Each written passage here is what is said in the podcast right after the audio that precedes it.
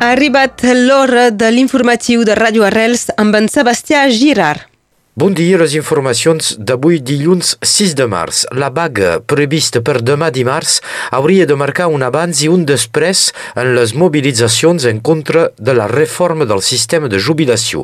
A Perpinyà, la intersindical anuncia el bloqueig dels peatges nord i sud a partir de les 7 del matí, una operació que tindrà per força grans repercussions sobre el tràfic a l'autopista.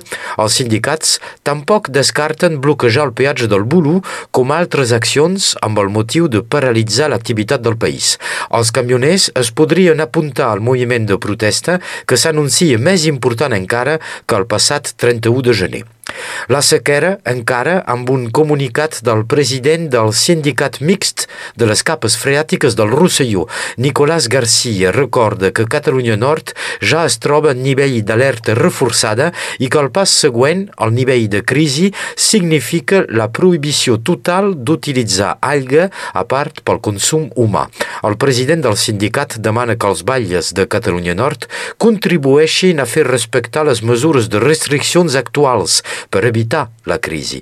D'altra banda, el Sindicat de les Capes Freàtiques, la Cambra d'Agricultura, l'Estat i l'Associació dels Batlles organitzaran quatre reunions públiques d'informació amb l'objectiu de planificar la repartició de l'aigua amb els consumidors més importants de Catalunya Nord.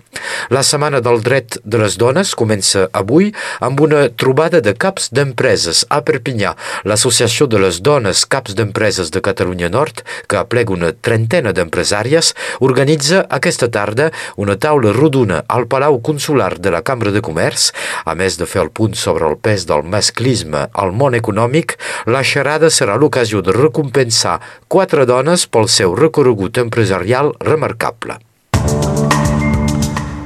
A Barcelona, la meitat dels habitatges protegits podrien desaparèixer.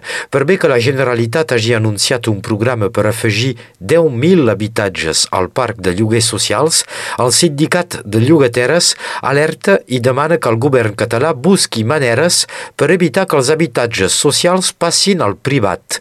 Segons el sindicat, la pressió immobiliària és tal que hi ha persones que viuen en habitatges protegits i que són víctimes de les pràctiques d'assetjament immobiliari i d'expulsió per part de promotors privats.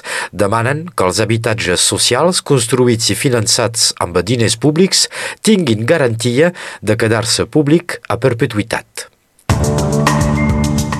A l'Iran, els atacs als centres educatius femenins se multipliquen i ja afecten milers d'alumnes. El règim iranià va negar inicialment aquests incidents, però ara els qualifica d'atacs intencionats.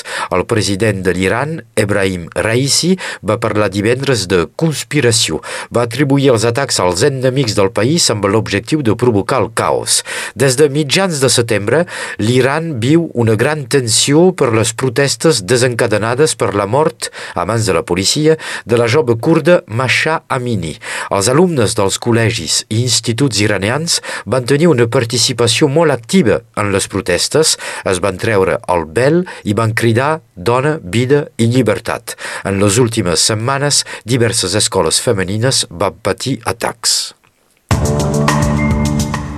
En esports, un cap de setmana perfecte pel rugby català. A 13, els dracs ataquen molt bé la Superliga, tres partits i tres victòries. A 15, l'USAP continua la remuntada i va pel camí del manteniment. I al sud, la Federació Catalana de Rugby celebrava el passat cap de setmana el seu centenari amb un partit entre Catalunya i Suècia. Els catalans van guanyar 51 a 14. En futbol, el Barça va guanyar justet 1 a 0 al Camp Nou contra contra el València gràcies a un gol de Rafinha. Girona i Mallorca van perdre. A la classificació el Barça és primer, els catalans esperen ara el Real Madrid aquest dijous, partit de tornada de les semifinals de la Copa del Rei.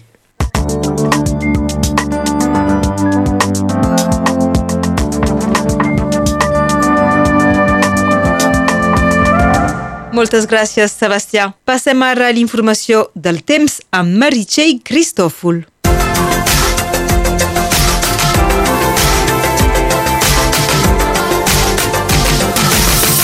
Bon dia dia, un temps assolellat ens espera avui amb un vent que bufa com a màxim a 10 km per hora. Això fa que al llarg del dia tindrem temperatures molt agradables per un principi de mes de març.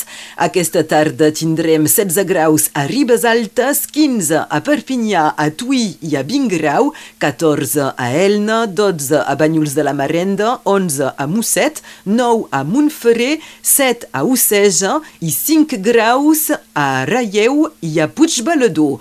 Aquesta tarda el sol es pondrà a les 6 hores i 43 minuts i avui celebrem Santa Coleta.